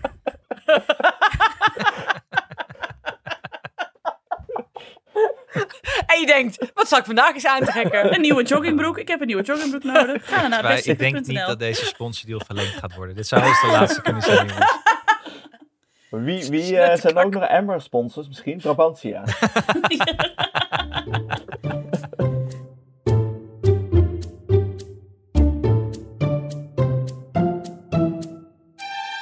Oh ja. Ik, ja, ik, dat is heel kort hoor. Maar ik heb dus eh, afgelopen dinsdag moest ik bij op één zitten.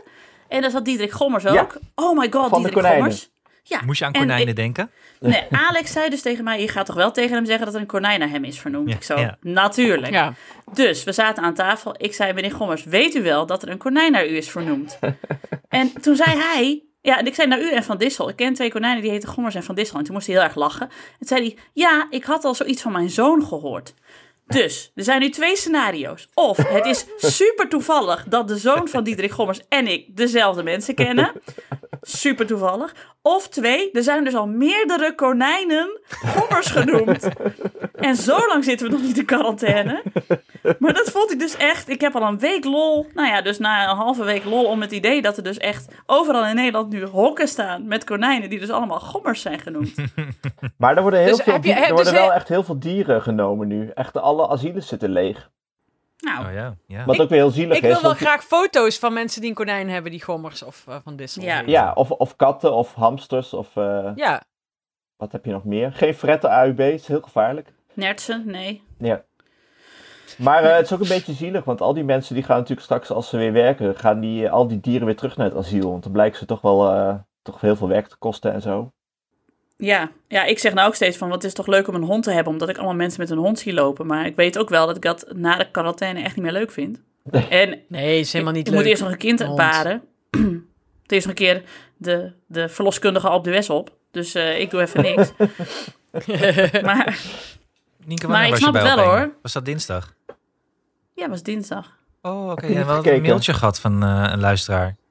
Oh, En die zei, eh, van Marjolein, die zei, ha, ik, zit ik net naast mijn man op de bank, komt de aankondiging van op één, daarin zit Nienke, roep ik heel hard, hey, die ken ik. Man kijkt verbaasd, waarvan dan? dat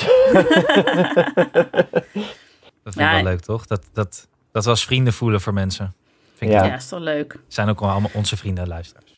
Ja, of die van Hanneke, Ja. hè? Want eh, Ja. dat hadden we laatst ook weer. Ja, we krijgen wel klachten van mensen dat ze je nieuwsbrief niet goed kunnen vinden, Hanneke. Daar heeft ook iemand een berichtje over gestuurd. Echt? Oh, dan moet je naar mijn website, hannekehendricks.nl. Zo, nou, dat is weer even een En daar kun je je reclame inschrijven. En, da- Wat een makkelijk en daar kun je je inschrijven. Het gaat heel, heel simpel. Maar Dan kun je het... nog net het staartje meemaken van de corona. Nee, dat was niet zeker toch? Dat is toch een cliffhanger? Of ik nou, ik denk Ja. dat ik doorga met Ja, nieuws, dagelijkse nieuwsbrieven. We kunnen nou al lang niet meer zonder jou, Hanneke. Nee. Vooral omdat ik het zelf eigenlijk veel te... Ik kan me er echt op verheugen. Ja, maar ik krijg ook weer echt een beetje dat oude blogsfeertje Ja. van die En je dingen. Echt, zegt allemaal opdrachten af om die nieuwsbrief maar eh, rond te krijgen. Maar, eh maar Nienke, wie za- er zaten toch wel bekende mensen? Zijn die niet een beetje... worden die niet een beetje... eh, hoe zeg je dat? Wordt hun shine niet een beetje afgepakt door eh, gommers? Eh, omdat Gommers... Ja, maar wat me dus opviel is dus dat eh, Thijs van der Brink en Giovanka, eh Ostiana, die presenteerden het. En die vroegen gewoon eigenlijk bij alles aan Gommers van, mag dit alweer? Hij wordt een soort van orakel. Mogen we alweer op vakantie? Mogen we wel weer naar de Ikea? Mogen we dit allemaal? En je zag hem ook een beetje kijken zo, ja, gast, ik ben IC-arts. ik ben niet de koning of zo. Dat vind ik wel... Een beetje van, als bij, eh, als, bij, als bij Rembo en Rembo, weet je wel. Dat je altijd, Mag bij dat? Rembo Rembo had je Mag altijd zo dat? zeggen, mag dat? Terwijl je je kind aan het knippen bent. Is dit goed, eh Gommers? Moet ik, hoe, hoe moet ik dit knippen? Precies. Mag Heb ik het dat? zo goed gedaan? Ja. Eh, ja, goed. Nou, voordat ik weer over Rembo en Rembo begin. Eh, punt 4. Nou, ik zag trouwens wel, ik zag trouwens wel, om het even eh, eh, als eh, tegenwicht tegen Suzanne Sontag. Ik heb wel weer achterwerk in de kast met heel veel plezier zitten kijken bij... eh Ja, Ah, wat leuk. Zo leuk, was hè? zo leuk. Maar ook dat kinderen dus eh, in die tijd, je, kan, je ziet zo'n verschil. Dat ze nog geen Instagram en eh, YouTube kenden.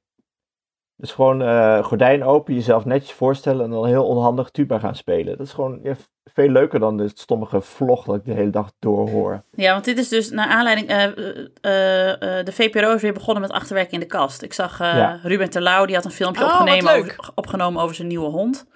Ja. En, eh, dus ik snap wel, Alex, hoe je erbij bent gekomen. Maar anders is het nogal onverwacht voor de mensen. Dan denken Ja. ze, huh, je zat toch Animal Crackers te kijken? Hoe kom je nou bij Nee. achterwerk in de kast? Nee, ik ken dit ook nog niet.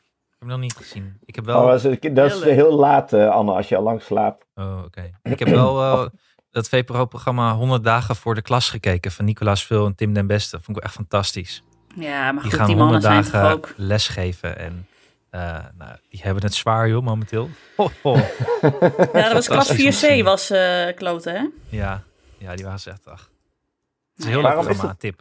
Tip. Waarom is dat eigenlijk dat je, eh, want Cynthia kijkt toen heel veel bevallingstv. Waarom is dat dat je eh, naar het lijden van anderen gaat kijken als je weet van ik hoef het zelf lekker niet? Nou, daar is eh, in de toneelwereld wel een naam voor. dat is toch de loutering van de catharsis? Oh. Dat zei ik altijd met Nasja Kovers, als we dan naast elkaar zaten op de schrijversopleiding, zeiden we altijd zo tegen elkaar, hé, hey, hoe is het nou met uw catharsis? ja, goed. Met uw catharsis? Ja, ook goed. Oh, ik vind het nou al fijn dat Anne, zeg maar, als hij deze eh, podcast online gooit, deze aflevering, kan hij dus zeggen van Susan Sontag en de loutering van het catharsis.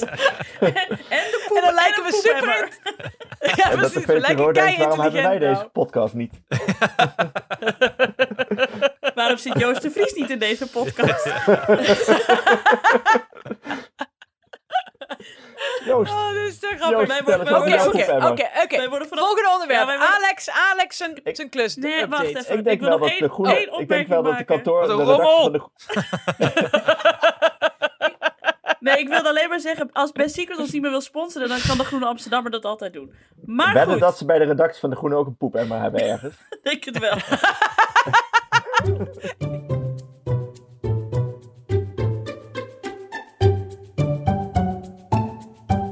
Goed, Alex zijn, Alex zijn klus-update. Oh ja, nee, gaat goed. Oké, punt 5. Eh, Nee, hoe ver zijn we nu? Wat is er gebeurd?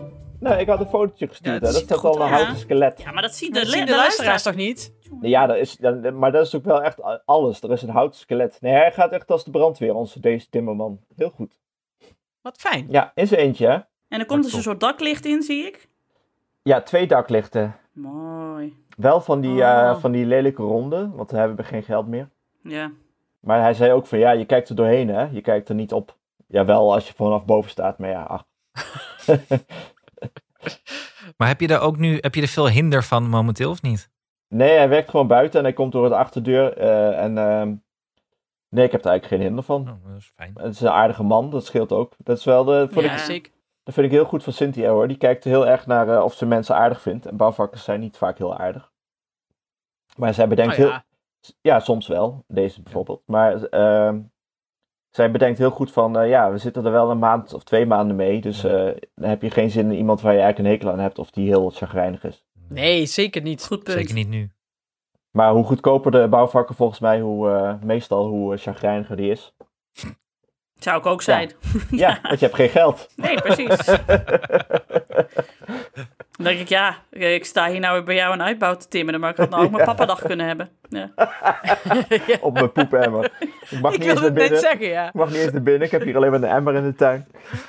Oh. Mijn poepemmer. Dat had echt, Julien had het niet moeten doen. Echt niet Dat had echt niet moeten doen. ja, dat gaat voor eeuwig, blijft Ja, dat, dat eh, blijft aan hem kleven. aan hem steken, ja. Ja, Ja. maar ook omdat Het het, was natuurlijk een pisemmer, maar Ja. het is hier nu al een poepemmer. Zo gaan de verhalen. Ja. Maar Een Brabantia dat poepemmer. Ja, dat wil je eigenlijk niet. Ja, of wel. Ja, wel. Ik drie dagen oude drol erin. Een, Nou. een tinnen emmer, eh, ja. En eh, Ehm. Han- Hanneke, wil jij nog ons nog even meenemen naar eh, de mooiste dag van jouw leven van de afgelopen week? Ja, punt 5. We eindigen zonnig. Gisteren. Nou, omdat eh, we nu toch wel wat hebben dat de kinderen wat vaker met elkaar mogen spelen. Eh, zei Anne, de moeder van Isabel, wat ook nog familie is van Doris, en dan kunnen we het allemaal heel goed vinden, die zei, we kun, en die werkt ook voor zichzelf, zij is eh, juwelier, en zij zei, nou je kunt, eh, of goudsmid bedoel ik, we kunnen wel af en toe ruilen, dan breng jij gewoon Alma hierheen, of ik ben, breng Isabel naar jou, en dan kun je gewoon werken thuis. Plus, de kinderen vinden het veel leuker om met elkaar te spelen dan met mij, in ieder geval. Dus dat heb ik gisteren gedaan. Dus ehm, ja, ik zat om half tien daar en om kwart over elf was ik weer, of kwart over tien was ik thuis. En toen heb ik even een patholoog anatoom gebeld over hoe, voor een hoorspel hoe lang een lijk ergens in kan liggen en wat je dan precies ziet, want dat moeten we weten. En toen heb ik allemaal dingen gewerkt en gedaan en het was ineens alsof alles weer normaal was. En ik appte jullie inderdaad omdat ik zo trots was, omdat ik wel de hele dag dacht, "Ah, ik kan ook op de bank gaan liggen en Netflix kijken. Maar dat heb ik niet gedaan, want ik had het heel druk. Dus ik heb alleen maar gewerkt en een zak Engelse leeg gegeten onderwijl. En het was heel erg fijn, alsof alles weer een beetje gewoon was. Ja. De- Ja. En toen ging ik Alma ophalen en toen kwam ik daar en toen zeiden ze, nou, we hebben een hele grote tafel, dus willen jullie ook blijven eten? En toen zijn we blijven eten. Dus het was eigenlijk gewoon een hele leuke dag. Ik moet nog even aan Gommers vragen of dat eigenlijk wel mocht. Ach, zolang je niet naar de Ikea bent geweest, ben je voor mij een held. Ja, dat, nee, deze zou ik zeker niet. Dat is Doris. Met de fiets. Gefeliciteerd. Heeft hij een hoedje Of op? Telus, wat willen je even? we zijn weer rond. Oh. Gaan we er extra vrolijk uit? Wacht. Ja. Lang Lang zal die leven. Lang Lang zal die leven. Lang Lang zal die leven in de in de gloria. Ja, in de gloria. Ja. Susan Sonntag! Hey. Susan Sonntag! Wauw. Van harte, lieve Mooi, Doris. lieve mensen. Maar mijn, eh, mijn, eh, mijn nieuwe chique fiets is... eh, Ja, noem het maar de chique fiets. We weten al lang dat hij een motor heeft, Doris. Is Ja, hij er? precies. Is hij net gekomen? Ja. Goed. hey, ik ga thee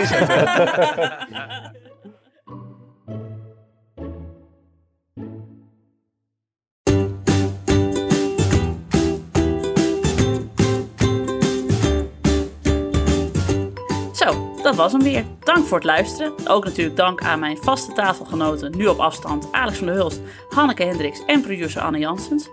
Heb je nou een vraag of opmerking voor ons, of wil je ons even vertellen hoe jij deze tijd doorkomt? Eh, dan kun je ons mailen op ik@dagennacht.nl. Je kunt ons eh, ook eh, zoeken op Twitter en daar een berichtje achterlaten. Dat is iemand die. Of je kunt een voicebericht sturen naar de WhatsApp van het volgende nummer. Eh 06 81 80 4297. Wauw. Wauw. Want Weet, weten jullie wat Amanda Spoel nu doet trouwens?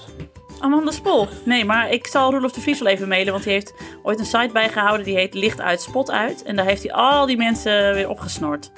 Dus Ah. echt van iedereen van, van je denkt van hoe, waarom, waar, dan weet Ze Roelof is het. eh sieradenmaakster. Oh, heb je net even opgezocht. En Ah. Katrine Keil was Moet je daar- 45 toen ze eh, eh, vijf uurtje op presenteerde. 45 pas. Ja, dat Ja. voelde toen al als mega oud. Ja. Ah, nou ja. hey, ik heb nog een, een kleine vraag, hè? Gewoon even voor de outro.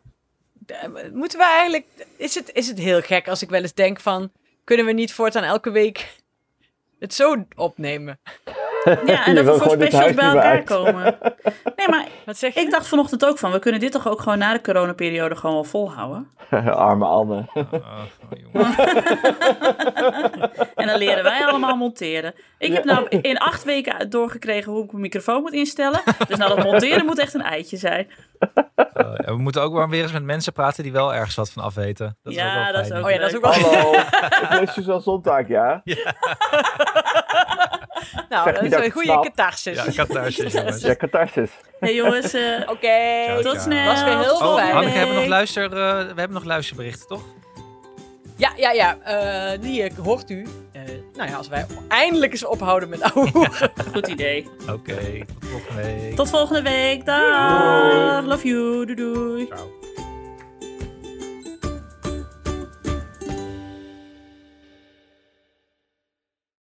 Hier is Esther weer bij mijn wekelijkse voicemail.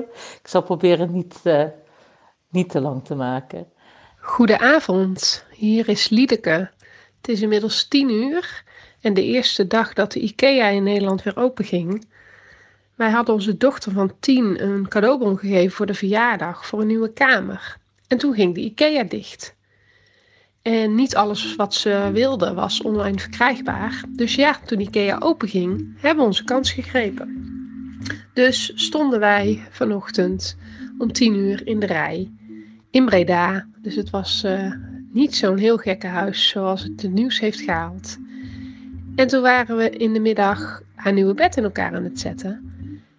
En toen was er een stuk beschadigd. Dus ik weer terug, weer in de rij, s'avonds om 7 uur. Naar de klantenservice in de winkel. Daarna opnieuw naar het afhaalmagazijn. Artikel omruilen. En eh, nu is het tien uur s'avonds en het bed staat. Ik zit nog het bureautje in elkaar te knutselen, zodat ze morgenochtend eh, lekker wakker kan worden. Alles voor het jong en wat een belevenis. Hoi, ik ben Lisanne, moeder van Elin van anderhalf. Ik ben het helemaal met Hanneke eens op het gebied van heel jaloers zijn op mensen zonder kinderen, maar ook zo niet. Als wij met z'n tweeën in quarantaine waren geweest, dan zaten we denk ik echt alleen maar te Netflixen. En dan zouden we na een maand even goed gillend gek zijn geworden. En nu komen we nog wel eens buiten. Mijn man maakt eh, elke ochtend 's ochtends een eh, kaart met eh, onze dochter. Met glitters en stickers en nog meer lelijke zooi. En die sturen we dan naar onze vrienden, die dat ongetwijfeld ook lelijke zooi vinden. En smiddags ga ik die dan haar met, met haar eh, posten. En dan eindigen we altijd in hetzelfde armzalige speeltuintje, waar steeds dezelfde ouders met anderhalve meter tussenruimte op de rand van dezelfde zielige zandbak zitten. En dan zijn we er weer eens uit. En ik denk ook dat we na een maand onze eigen grapjes ook wel echt zat zouden zijn. En nu hebben we iemand die het mega grappig vindt om achter een deur te gaan staan en dan tevoorschijn te komen. En ze laat knetterharde scheten en dan moet ze dan heel hard om lachen. En ze raakt helemaal door het dolle heen als je voorstelt om rozijntjes te gaan eten. Nou, dat is toch prachtig. Lieve mensen van Ik Ken Iemand Die, dankjewel voor de herkenbaarheid. Ik vind het echt eh, genot om te luisteren elke week. En dan eh, wandel ik hier, zoals je hoort, langs de weg. Het wordt alweer wat drukker. Deze straat was normaal eh, uitgestorven. Het moment dat de quarantaine inging, eh, begon ik weer wat fitter te worden na de geboorte van mijn zoon. En eh, we hadden de kraambezoek hadden we lekker kalm gehouden de eerste weken. Zodat we met elkaar konden wennen met als gezinnetje van vier. Ja, met als gevolg dat er uiteindelijk niemand op kraambezoek is gekomen. Omdat eh, ja, het moment dat we dachten van nou nu kan het wel weer Nederland eh dicht ging en niemand meer op bezoek mocht komen. Dus we kregen allerlei cadeautjes via de post. En eh, aangezien ik een eh, flinke zoon heb gebaard, met drie maanden 7,5 kilo, waren alle kleding, is alle kleding te klein. Dus dan eh, kan je weer lekker online shoppen. Maar ehm, ja, ik vind het zo ontzettend grappig om naar jullie te luisteren. Echt een momentje voor mezelf. Ik kijk er elke week weer naar uit. En ja, ik ga aanstaande vrijdag mag ik weer beginnen. Dus ik heb echt heel erg geboft. Dat ik de periode met, in de lockdown gewoon eh, bij mijn gezin heb kunnen zijn. Lieve groet, Marlies. Hoi, ik ken iemand die is. Ik heb gisteren jullie laatste aflevering van de podcast geluisterd en het ging over zindelijkheid. Ehm, daar werd verteld dat iedere vijf minuten aan een kind werd gevraagd om naar het toilet te gaan. ehm, en dat binnendoor tussentijds toch nog mooi lekker geplast wordt. Wij hebben een nieuw tijdsrecord gezet net, want ik ging met mijn zoontje naar het potje toe. En hij kon niet plassen, kon niet plassen, kon niet plassen. Hij ging toch naar bed, dus dacht ik, doe lekker zijn broek omhoog en doe boven wel weer een luier aan. En hij staat twee treden op de trap. En ja hoor, hij moet plassen. Nou, dit was dus ook meteen weer zijn eerste ongelukje. Maar we gaan natuurlijk morgen weer met volle goed door om het toch proberen zindelijk te maken. Groetjes! Hi, Merel hier. Jullie vroegen om een update hoe het met de kinderen gaat. Nou, ik kan je zeggen, na zes weken thuis met een lijf wat het niet doet, uh, is het wel heel fijn dat de opvang binnenkort weer open gaat. Maar om, tot die tijd zijn wij sinds begin vorige week bij mijn schoonouders die op het Zeeuwse platteland wonen. En hebben we echt de totale idylle van de kinderen spelen in de boomgaard, een schommel aan een, aan een boom. Um, en alle hulp van openomen die, die we maar kunnen wensen. Dus we krijgen zo waar werk gedaan. De kinderen zijn super blij. En omdat het zo mooi weer was, was het eigenlijk voor ons ook echt super fijn. Dus eigenlijk is het deze week best wel heel prima. Uh, we blijven tot eind volgende week in Zeeland. En dan uh, zijn we op tijd weer thuis voordat de opvang weer open gaat. En uh, gaan we eens even kijken hoe de jongens dan, dan weer vinden. Oh ja, onze jongens die zijn net een jaar en bijna drie. Dus die zijn volop thuis. En nou, we gaan de laatste week het zien. Doei! Dag lieve vrienden van Ik en Iemand Die. Hartstikke leuk dat jullie elke week opnemen. En ik heb goed nieuws. Ik heb deze avond voor het eerst in de coronatijd mijn hardlopenrondje kunnen doen. Geen huilende kinderen, geen werk wat nog s'avonds doorloopt, geen gewoon lekker mijn werk kunnen doordoen. En als over twee weken die KDV-show open gaat, nou dan sta ik te springen op de bank en weet ik niet waar ik, wat ik met mijn tijd moet gaan doen.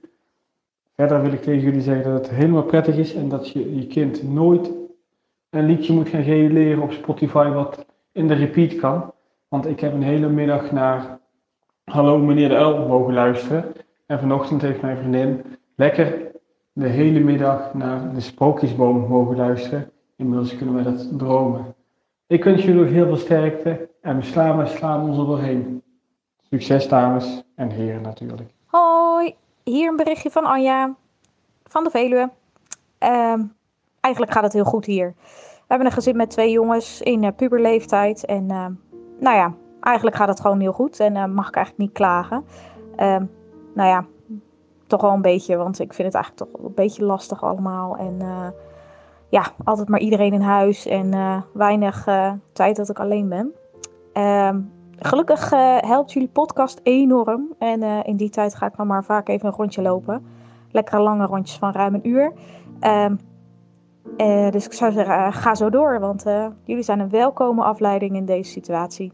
Doei! Dus het gaat hier eigenlijk wel heel lekker. En ik ben zelf net klaar met stofzuigen. Dat was tot voor kort eigenlijk de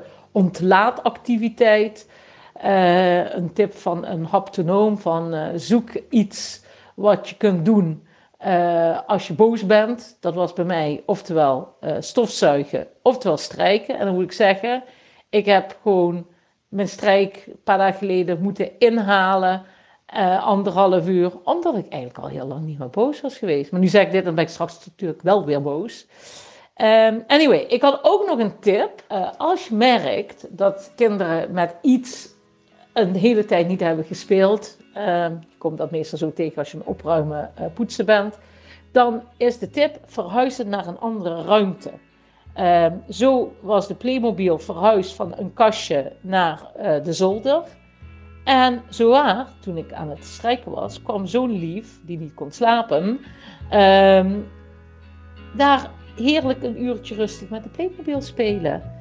En gisteren verhuisde hij weer naar onze slaapkamer dan wel, maar toch heerlijk met de Playmobil gespeeld. Vanochtend opnieuw Playmobil naar beneden, met de Playmobil gespeeld. Heerlijk. En uh, nou ja, dan zal hij alweer in het kastje gaan wonen tot de tijd dat ik hem naar de zolder verhuis. Etcetera, etcetera. Nou, mijn bericht is alweer 3,5 minuut. Jij knipt maar lekker, Hanneke. En uh, tot de volgende dag. Oh ja, en uh, nog eentje dan. Die achternaam. Vrouwen die hun eigen achternaam willen houden. Ik snap het wel hoor. Maar ik wilde juist graag trouwen om dezelfde achternaam als mijn kinderen te krijgen. Klinkt een beetje burgerlijk, want mijn kinderen hadden natuurlijk ook mijn naam kunnen krijgen. Maar ik was niet zo blij met mijn meisjesnaam. En mijn getrouwde naam vind ik dus veel leuker. En zo heten mijn kinderen ook. Dus nu heten we alle vier hetzelfde. En daar word ik wel heel blij van.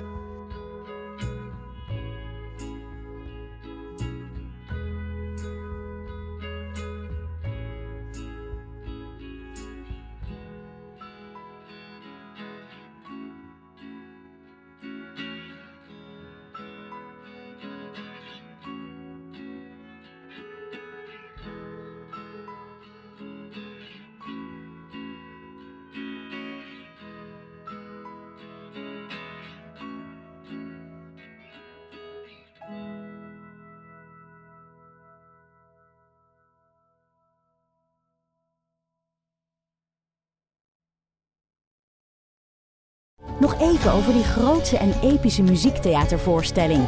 Het achtste leven voor Brilka is een marathonvoorstelling van 5 uur. Koop je tickets voor deze bijzondere theateravond via oostpol.nl.